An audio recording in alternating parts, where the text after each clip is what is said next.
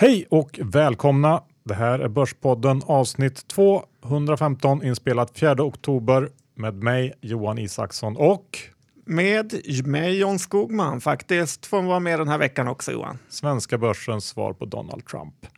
Tack, tack. Vi har eh, en huvudsponsor och det är IG Markets. Ja, det har vi ju. Och eh, det är ju så att de har, släpper ett morgonbrev varje morgon som även personer som inte har, ens har konto på IG kan eh, få tillgång till. Så man går bara in och signar upp sig på länken ig.com morgonrapport prenumerera Johan. Det var enkelt och generöst av IG, men det, ty det tycker jag alla ska göra som, uh, oavsett om det är konto eller inte.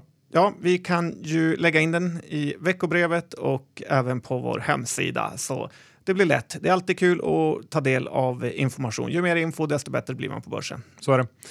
John, idag kommer vi prata eh, delvis om eh, den kommande rapportperioden. Ja, det kommer vi. Det är ju väldigt spännande hur den närmar sig. H&M tjuvstartade som det heter, vilket är i och för sig konstigt att säga när de har brutit räkenskapsår. Ja, um, vi kommer såklart ta upp uh, den senaste veckans härva i Genesis IT och ja, mycket, mycket mer, precis som vanligt. Innan vi kör igång så ska jag dock slå ett slag för Trine som ju är en sponsor till den här podden. Ja, det är ju viktigt att göra gott i världen nu när den är ondare än någonsin. Ja, ja eh, det stämmer faktiskt.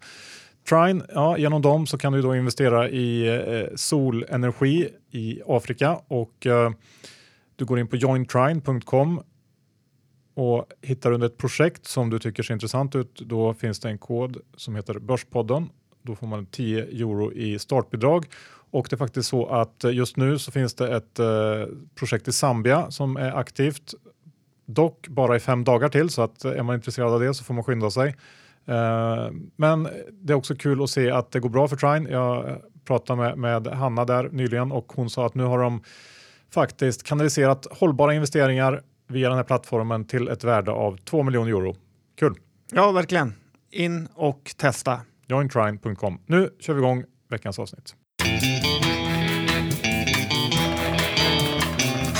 Johan Dr. Bass Isaksson, Håsen vet inga gränser. Jag tror väl att börsen har gått upp varenda dag sedan förra avsnittet och eh, OMX-indexet är nu på 1649 ungefär.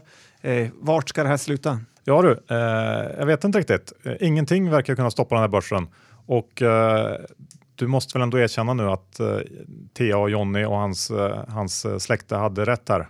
Ja, det är ju fantastiskt vad de prickade fint. Ja, hur som helst, jag har faktiskt kortat en del eh, OMX-termin sista dagarna. Um, kanske dumt, jag vet inte, men vi är på väg in i rapportperioden nu om ett par veckor och jag har ändå svårt att se hur bolagen ska lyckas leva upp till förväntningarna nu. Eh, möjligtvis så kan ju i och för sig Q3 se ganska bra ut i ljuset av eh, Q2 som ju var lite konstlat dåliga på grund av påskeffekten. Men om man försöker normalisera det första halvåret och liksom justera för påsken så tror jag ändå att Q3 kommer att komma in ungefär eh, i linje med vad vi har sett tidigare. Det vill säga att det går bra, men inte att vi får någon större acceleration i tillväxt och vinster. Um, och dessutom så får man väl komma ihåg att vi för första gången i år har uh, en hygglig valutamotvind på grund av den svaga dollarn och under Q1 och Q2 så var, var läget faktiskt det motsatta. Uh, och det är väl lite min tes just nu uh, att jag vill se att börsen kommer ner lite grann inför rapportperioden. Jag tror inte på något ras såklart, men det brukar ändå ha någon slags förmåga att justeras inför rapporterna. För nu känns det som att det ligger lite högt ändå tycker jag. Ja, så är det. Jag kör ju också lite björnar nu då jag mest kör efter roulette-taktiken. Nu har det varit 13 dagar på svart. En röd dag bör komma. Ja, vi håller tummarna. Eh, det är också insider-säsong just nu. Ja, det är det och det här tycker jag vi ska kika lite noggrannare på. Eh, nu när Q3 är över i och med att eh, september tog slut. Men man får ändå komma ihåg att insynspersoner fortfarande kan handla aktier fram till 30 dagar innan deras bolagsrapport. Så att om du har ett bolag som rapporterar i november så kan du handla aktier där trots att man egentligen vet hur det redan har gått. Och jag tycker att man ska hålla ett öga på det här. Säljer insynspersoner då är det ju bara att sälja sina egna aktier. Men köper de så kan man köpa mer. Eh, Dedicare är ju ett klockrent exempel på hur det har fungerat bra flera gånger. Ja, men att det fungerar så här då, är det, är det verkligen eh, okej? Okay? Är det etiskt? Ja, jag tycker väl inte det. Men som de brukar säga i staterna, I don't make the rules and I don't break the rules. Ja, så kan man ju säga. Eh, en annan som ska få reda på om man har breakat the rules är ju Ola. Det är snart dags för rättegång. Ja, det är det faktiskt. Och den drar igång här i slutet av oktober, tror jag. Och eh, det känns ju som att den här kraschen i fingeravtrycksbolag har kommit eh, hyfsat eh, lägligt. Eh, eh, för det börjar kännas som att rättegången kommer bli en walk in the park för Ola. Next, bolaget som han då är anklagad för och insiderköp, eh, står i 48 kronor. Och det är under eller lika med där han köpte sina första aktier och han har ju fortfarande kvar dem. Så eh, visst, man kan ju hävda att han har inte sålt, be behöver inte betyda att han inte hade insiderinfo när det väl begav sig. Men eh, om man vill vara på åklagarens sida då. Men jag tycker nog ändå, om man säger som experter brukar säga, att eh, en samlad bedömning bör nog vara att eh, han sa att han skulle vara en långsiktig ägare och det har han varit. Han har inte tjänat något på den här informationen han hade. Och eh, slutligen det här åklagarens argument att han trodde aktierna skulle gå upp är ju också något sinnessjukt argument att anklaga dem för. För ingen köper ju aktier med tron att de ska gå ner, Johan. Nej, så är det väl. Det blir, blir spännande att följa oavsett. Eh, det händer grejer också i Catena Media John. Eh, vi har ju haft både vd, eller före detta vd, ska vi säga, Robert Andersson och styrelseordförande Henrik Persson Ekdal i podden och nu kom det ut igår kväll att eh, Robert får lämna med omedelbar verkan och att Henrik kliver in som TF-vd. Kanske lite frostig stämning nu. Ja, kanske. Jag vet inte riktigt vad som hänt. Det känns väl eh, spontant lite eh, halv eh, ja, oroligt att man gör det här två dagar efter att Q3 är över. Den som ja, vill spekulera kan ju kanske tro att det har någonting med, med utvecklingen att göra. Men vi får helt enkelt se vad som händer här. Det blir spännande att följa och vill man då få, en, få lite kläm på den nya vdn så finns det ju en, en hyfsat färsk intervju för två veckor sedan med oss och Henrik. Ja, han gjorde ett väldigt gott intryck. Vi såg ju Rickard Bråse på Dagens Industri eh, bråsade såklart eh, aktien måndagen efter intervjun. Så det är svårt att säga, två olika läger. Ena som är positiva och andra är negativa. Inte så konstigt att de är olika läger. Nej. Vi går över till lynchningar för det är populärt just nu. Ja, det har ju blivit mer och mer populärt och eh, jag tycker väl lite att jag är expert inom det här området. Så att, eh, jag måste ju säga att jag ser att det är vanligt att det blir felaktiga lynchningar där ute. Och det är ju det här att man fokuserar på hur lång kö det är till kassan. För det här att det är lång kö till kassan innebär ju att det är butikschefen som är dålig eftersom det ska gå fort att betala, man ska fort tjäna de här pengarna. Långa köer avskräcker ju folk att eh, gå ställa sig där och dessutom så är det något tecken på hur man allokerar, allokerar sin personal fel. Och istället ska man titta på hur mycket folk det är inne i butiken, vilka reor det är och hur vältränad och, duktig personalen som jobbar där är. För en bra personal kan hjälpa till att sälja mycket mer. Igår så var jag på Intersport och tittade på när en tant provade ett par skor och mitt under den här provningen så sa säljaren äh, men jag drar på lunch nu och eh, det kommer säkert någon annan och hjälper dig. Eh, och då tänkte jag, hade jag ägt den butiken så hade det varit kicken direkt. Eh, eh sen ska man ju också komma ihåg att långa köer också är negativt för att eh, butiken vanligtvis inte är van med att hantera den här mängden av folk som just råkade eh, komma in. Vi eh, går över till Affärsvärlden som eh, gör ganska mycket reklam via Facebook för sin tidning. Ja, man har ju nästan blivit spammad kan man säga på Facebook och Instagram de här sista dagarna för eh, deras attack för att leta nya prenumeranter. Och eh, Affärsvärlden är ju en klassisk tidning, det är inget snack om den saken. Men nu har man övergått till att bara pitcha för sina aktierekar. Eh, reklamen säger att två av tre rekar har blivit rätt och därför ska man börja läsa den här tidningen då och eh, börja lära sig hur man slår börsen. Och eh, det var då det slog mig faktiskt Johan att om man är så här sjukt bra på att hitta bra aktier och bra på lufttrading så måste ju deras fond som de startade ha gått otroligt bra. Men så var det inte. Den här fonden har istället gått så dåligt att man inte kan tro att det är sant faktiskt. Eh, och eh, och som inte det var nog så dök den här fonden upp i Placeras lista på fonder som hade störst exponering mot H&M och det var faktiskt kanske då det brast för mig. För, för Affärsvärlden-fonden den har 64 miljoner under förvaltning, eh, står det på Avanzas sida. Och eh, då väljer de att lägga 8,9 procent av det i H&M. Och då undrar man vad är det som händer Johan? Ja, jag vet inte. Ja, det är väldigt konstigt i alla fall att man har alla möjligheter att hitta roliga case och så tar man alla pengar och köper H&M för. Eh, största innehavet de har, för H&M var näst största, är ju den här megasurdegen Getinge. Och eh, det finns en jättestor fördel med att ha en liten fond, är ju att man kan vara inne i bolag som andra inte, eh, fonder inte kan eh, vara inne i. Och då undrar jag, är det så smart att lyssna på de här eh, rekarna när man har en fond som eh, inte alls kan leverera där det är riktiga pengar i action? Nej, det går ju faktiskt att frågasätta John. Men har du, när du ändå är inne på fonder, har du något, någon positiv fondspaning då? Ja, men jag har tittat på några mindre fonder och jag tycker att den här Klien småbolagsfond är spännande. Den är ju rätt nystartad och också liten, vilket jag gillar, bara 185 miljoner under förvaltning. Eh, och här tycker jag fondförvaltaren verkligen har utnyttjat det.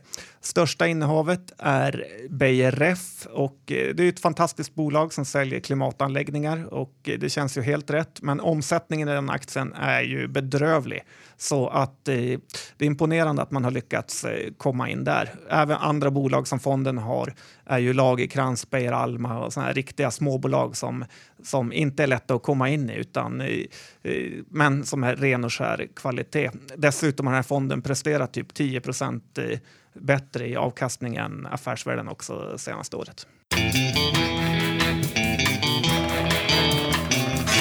John, jag har kikat lite på verkstad inför rapporterna. Eh, verkstad tycker jag är väl den sektor som kanske är roligast att handla på rapporter. Ja, det är det. I alla fall för dig som brukar tjäna pengar. För mig är det lite tråkigare. och sen är det ju en, stor, en ganska stor eh, sektor i Sverige och det finns eh, ganska många verkstadsbolag att titta på. Så jag tänkte vi går sveper igenom ett antal lite snabbt eh, så här så vi vet lite grann hur landet ligger inför rapporterna. Alfa först ut. Det är ju ett bolag som främst är exponerat mot marin och olja och gas och sånt. Eh, sektorer som gått eh, ganska trögt sista åren. Men eh, det här väntas ju vända och eh, Alfa ja, ska gå mot bättre tider och det vill man väl eh, helst se ganska tydliga tecken på i rapporten, alltså tecken på återhämtning i underliggande marknader.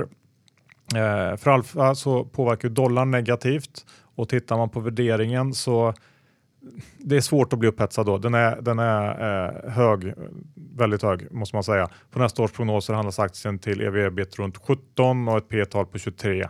Så det känns som att i Alfa finns det ändå ganska ja, in, litet utrymme för felsteg helt enkelt. Ja, så möjligt ett bra kort case. Kanske. Eh, känns i alla fall som att de får svårt att överraska så jättemycket på uppsidan.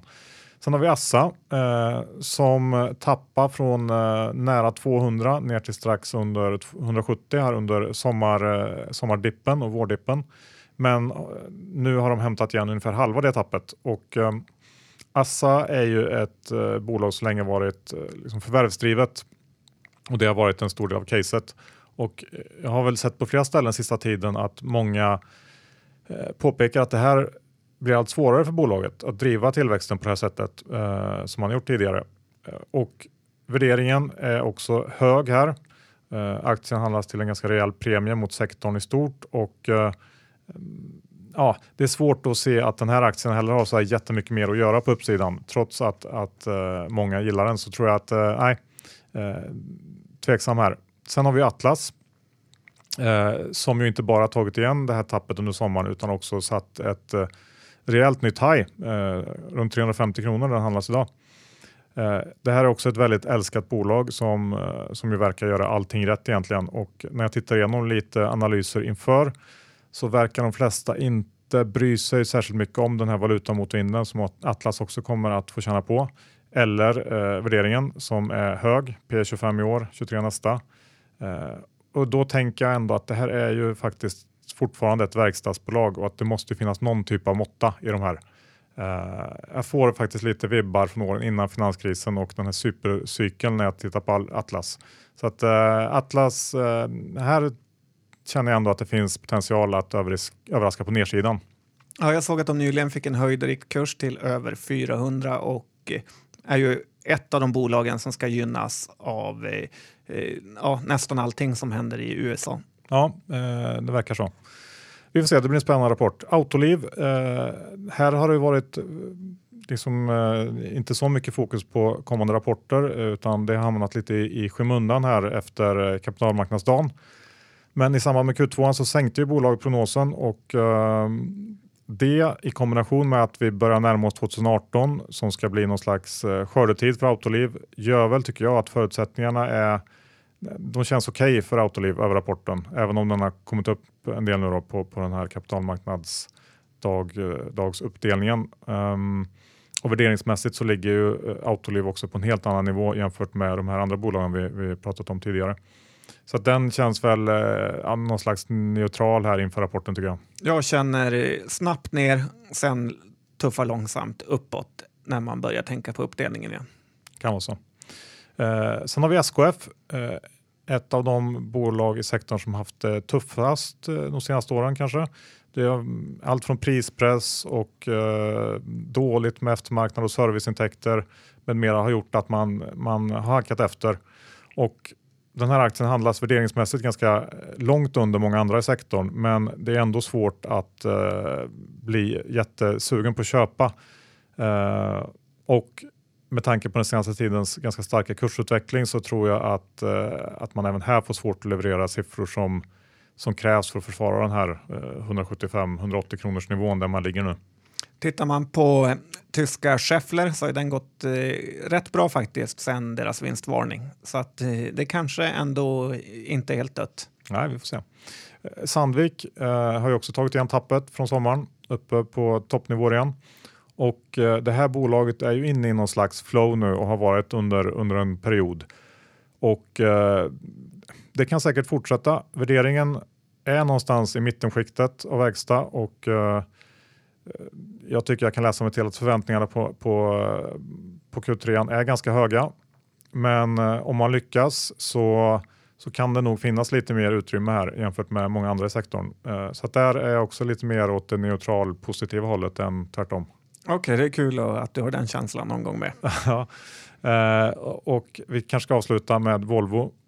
Den aktien har ju brutits loss och är uppe på nästan 160 kronor nu. Ja, det är ju en verklig favorit överallt nu. Ja, eh, och det mesta man hör pekar väl på att det har varit väldigt bra tryck i Volvo-fabriken även under eh, Q3. Vi får se hur valutan slår. Det är väl eh, genomgående tema för alla verkstadsbolag, för det blir motvind även här. Men ehm, det finns, här finns det också ett, någon slags momentum i verksamheten och det, det känns som att det kan fortsätta ett tag till även för Volvo. Eh, så vi får se när, när men den eh, tycker jag också känns hygglig inför Q3. Kul. Lite gott och blandat där i din påse av eh, vilket är absoluta, absoluta favoritbolaget? Alltså, jag vet inte, men, men jag, av de här så gillar jag nog ändå Autoliv mest. Eh, och jag kanske tycker eh, bland de jag gillar minst är nog Atlas nästan. Ja, det ska bli spännande att vi får se. se. Vi får se. Precis. Eh, det kan ju ändras snabbt. Vi går över till, ja, vi kan säga en besläktat område i alla fall. Ferronordic är ju, har ju en viss koppling till Volvo och de har en pref som du har tittat på. Ja, kul att du tog upp det Johan, för nu har jag faktiskt ett litet case jag vill presentera, så spetsa öronen. Ni vet ju att jag är ju lite känd som Sveriges preffkung och eh, jag tror faktiskt att jag hittat det här caset som för de som gillar svingar kan vara intresserade av. Och eh, det är nämligen så att Ferronordic Machines, bolaget som är återförsäljare för Volvo, lastbilarna i Ryssland och även sköter all service där, ska notera sin stamaktie.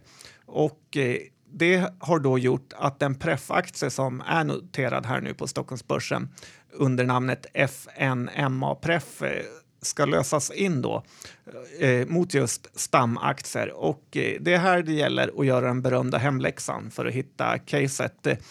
Ferronordic-listningen av eh, stamaktien ska göras på 150 kronor och eh, det gör då, som jag sa tidigare, för att lösa in de här preffarna. Och det som är intressant är ju att det är Carnegie som gör den här affären, eh, vilket är lite kvalitetsstämpel, och att de även har ett bra gäng ankarinvesterare i bland annat Grenspecialisten och LMK Ventures eh, som har lovat att teckna för 175 miljoner. Då. Eh, och preffarna kan lösas in på två sätt. Antingen får man 1200 kronor plus en utdelning den 24 oktober på 60 kronor. Så totalt, vad blir det Johan? Eh, 1260 ja. Ja, bra. Och eh, det är ungefär där aktien handlas eh, precis just nu. Eh, men det finns ett bättre sätt för den som vågar ta risk och tro på att den här listningen kommer gå bra. Eh, och då även då såklart får man tro lite på bolaget. Vilket jag ändå gör och tycker att det här känns ändå väldigt billigt. Eh, och då ska man göra så här. Man köper preffen och så väljer man att lösa in den, alltså byta ut den mot eh, stamaktier. Då får man istället räkna varje preff som 1309 kronor plus att man får 60 kronor i utdelning. Och då kommer man in i listningen med en 8,5 procentig rabatt eh, om vi säger att man köper de här aktierna på 12,60. Eh, eh, och eh, det tycker inte jag är illa, så jag har valt att köpa en del aktier nu. Eh, P-talet på den här Eh, Ferronordic-aktien bör nästa år vara kring 7-8 och 9 oktober är sista dagen att eh, anmäla sig på det här. Jag har köpt, det är en liten chansning, men det känns som en bra chansning. Ja, eh, kanske. Frågan är vad, men det här är alltså en rysk återförsäljare av Volvo-maskiner? Lite så. Kanske inte ska vara superhögt, men kanske lite dyrare. Vad vet jag? Vi får se helt enkelt. Men spännande då att du har kikat på det. Eh, något jag har kikat på i veckan John, det är eh, det lilla it-bolaget Genesis IT. Ingen har väl undgått turerna där. Eh, en väldigt volatil eh, vecka får man säga, minst sagt. Och det här är ett bolag som eh, delar av värdemaffian höjt till skyarna det senaste året efter att de har fått fart på eh, försäljningen av sitt egenutvecklade affärssystem. Och eh, den här aktien har också gått väldigt, väldigt bra eh, de sista två, tre åren. Eh, det är väl säkert 1000 procent, något sånt.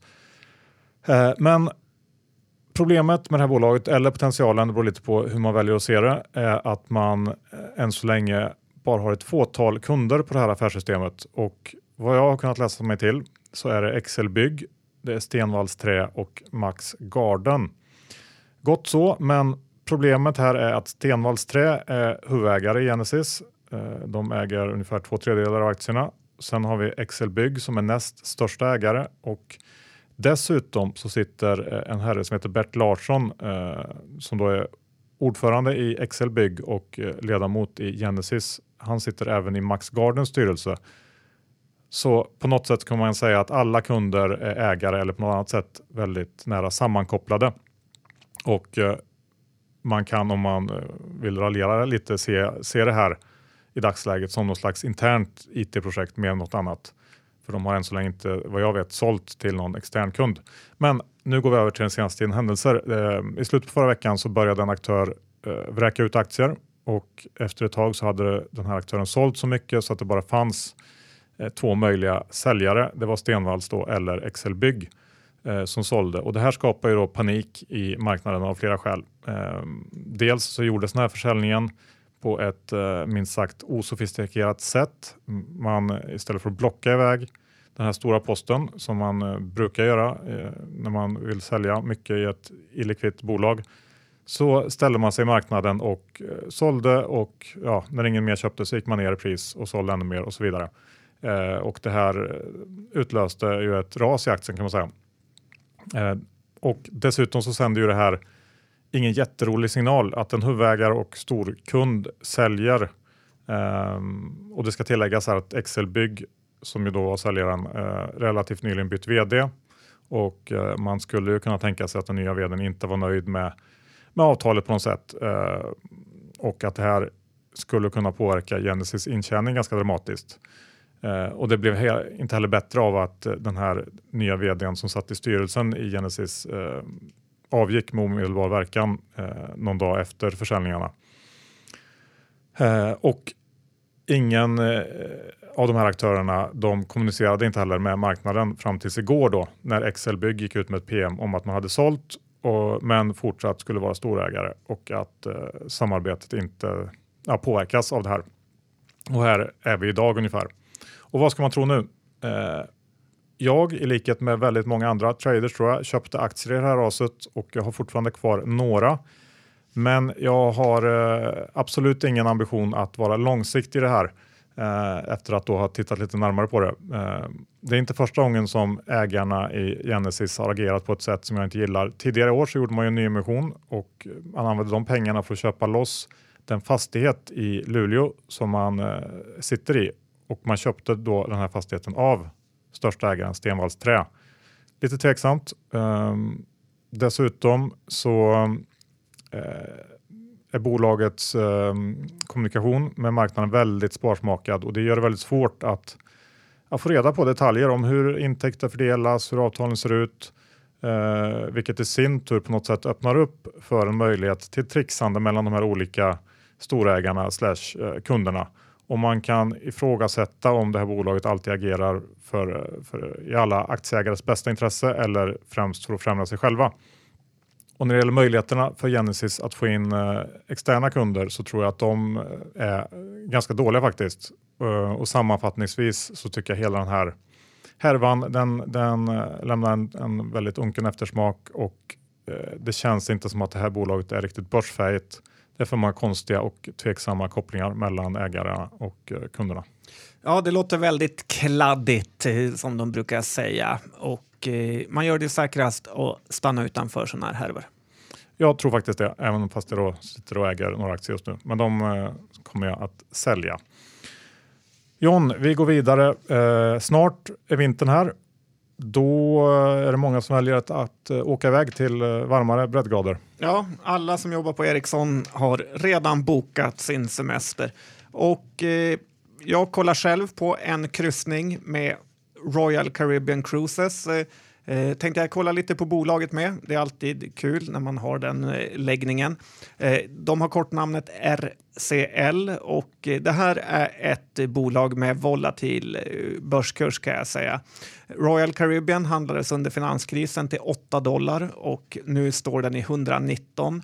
Eh, bara i år så har den här aktien dubblats Ändå kan man inte säga att aktien är särskilt dyr med ett P-tal på 17 och en direktavkastning på 2% Aktien är ju nära sitt all time high och det är trots alla de här orkanerna och grejerna som har varit i området där de kör sina båtar. Eh, jag såg att det var 113 personer på Avanza som ägde den här aktien och eh, håller väl ändå med att den här kan passa i en eh, portfölj om man ska ha lite exponering mot turism där. Carnival Corporation, ett annat bolag eh, som ungefär har liknande värdering som Royal Caribbean. Eh, det här är ett bolag med 46 miljarder dollar i börsvärde så att det är gigantiska bolag trots att man knappt eh, hört talas om det här hemma. Carnival Corporation, de äger det här Holland America Line. Har du hört talas om det Johan? Nej. Nej, det var det jag sa. Och många andra. Och det är alltså kryssningsbolag? Ett annat också. kryssningskonkurrent med Royal Caribbean. Eh, och sen så har vi ju även för den som vill vara lite som Axelrod i Billions och köpa i andras olycka så har vi ju MGM Resorts eh, med tickern ja, MGM såklart. och MGM är väl mest känd för sitt gröna hotell i Las Vegas. Eh, det har för övrigt bott och får väl säga att det är rätt kast. Eh, eh, men de äger också det här Mandalay Bay-hotellet som nu är mest känt för massskjutningen. Aktien, MGM-aktien tappade 5 eh, under den här dagen för dådet, men inte mer än så faktiskt. Och det är mycket snack om den här megaresorten som MGM ska öppna i Kontai. Vart ligger det?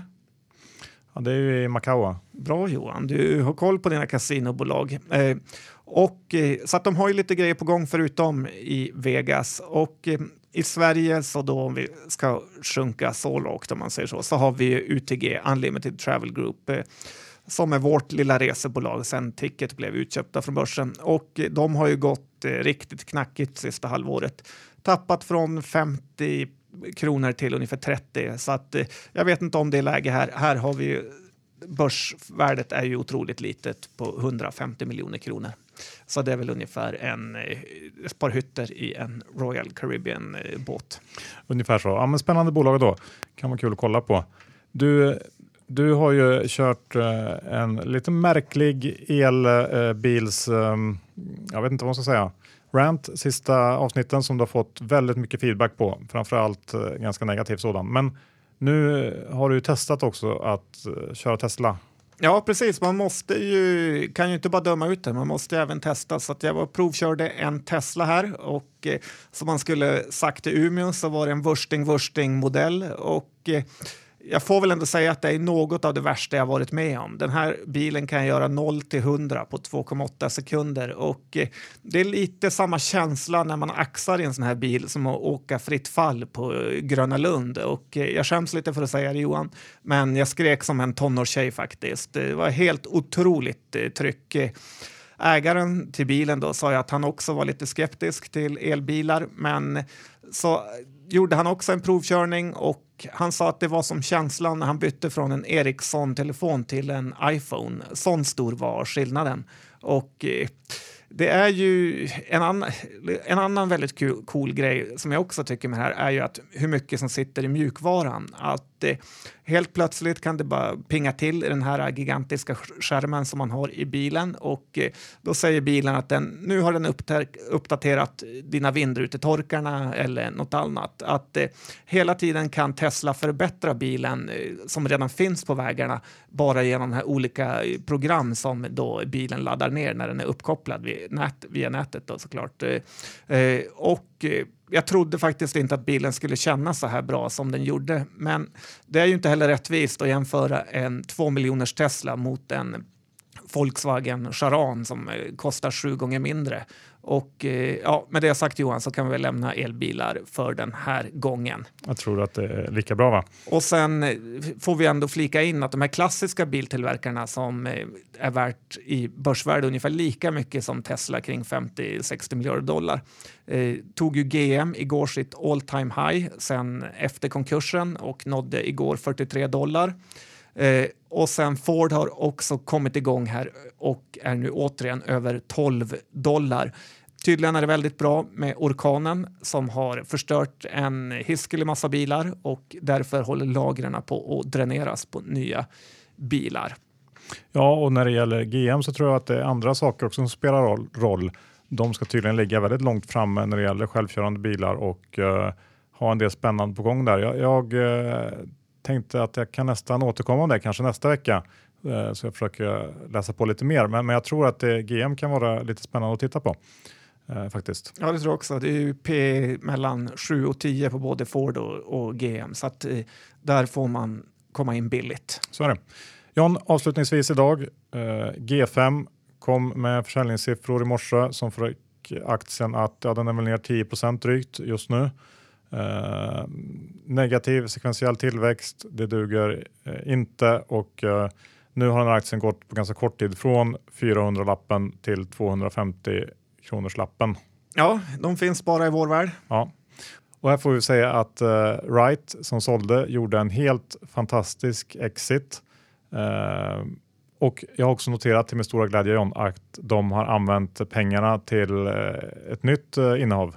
Ja, vi har sett att de ska gå in i iPad-marknaden för ålderdomshemsgänget. Exakt, de har ju köpt på sig massor av Doro på slutet, flagga upp här i veckan.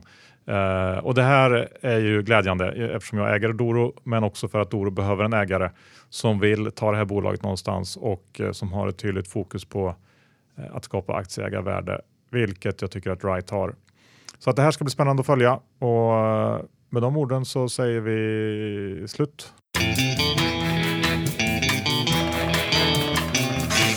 Bra Johan! Vilket avsnitt var det som tog slut? Tvåa, etta, femma. Härligt. Och vi tackar IG Markets för att eh, de erbjuder ett gratis morgonbrev till alla där ute. Så signa upp er på det. Vi fixar länken, ni signar upp er och eh, öppna konto på IG för det är kul. Ja, och eh, vill ni investera hållbart, då är det ju Trine som gäller. Gå in på jointrine.com. Eh, hittar ni något projekt som ni vill investera i, då kan ni få ett litet bidrag med hjälp av koden Börspodden. Eh, gå in och kika. Ja, tror ni på elbilar och allt och hans moster så tryck in lite pengar där. Ja, så kan man säga. Du, eh, nu ska vi också gå igenom vilka bolag vi själva har intressen i idag. Eh, jag äger som sagt Genesis eh, och jag äger Doro. Jag äger bara Ferronordic Preffen Johan som har inköpts igår. Fint, då får vi tacka för oss. Ha det fint så hörs vi om en vecka igen. Hej då!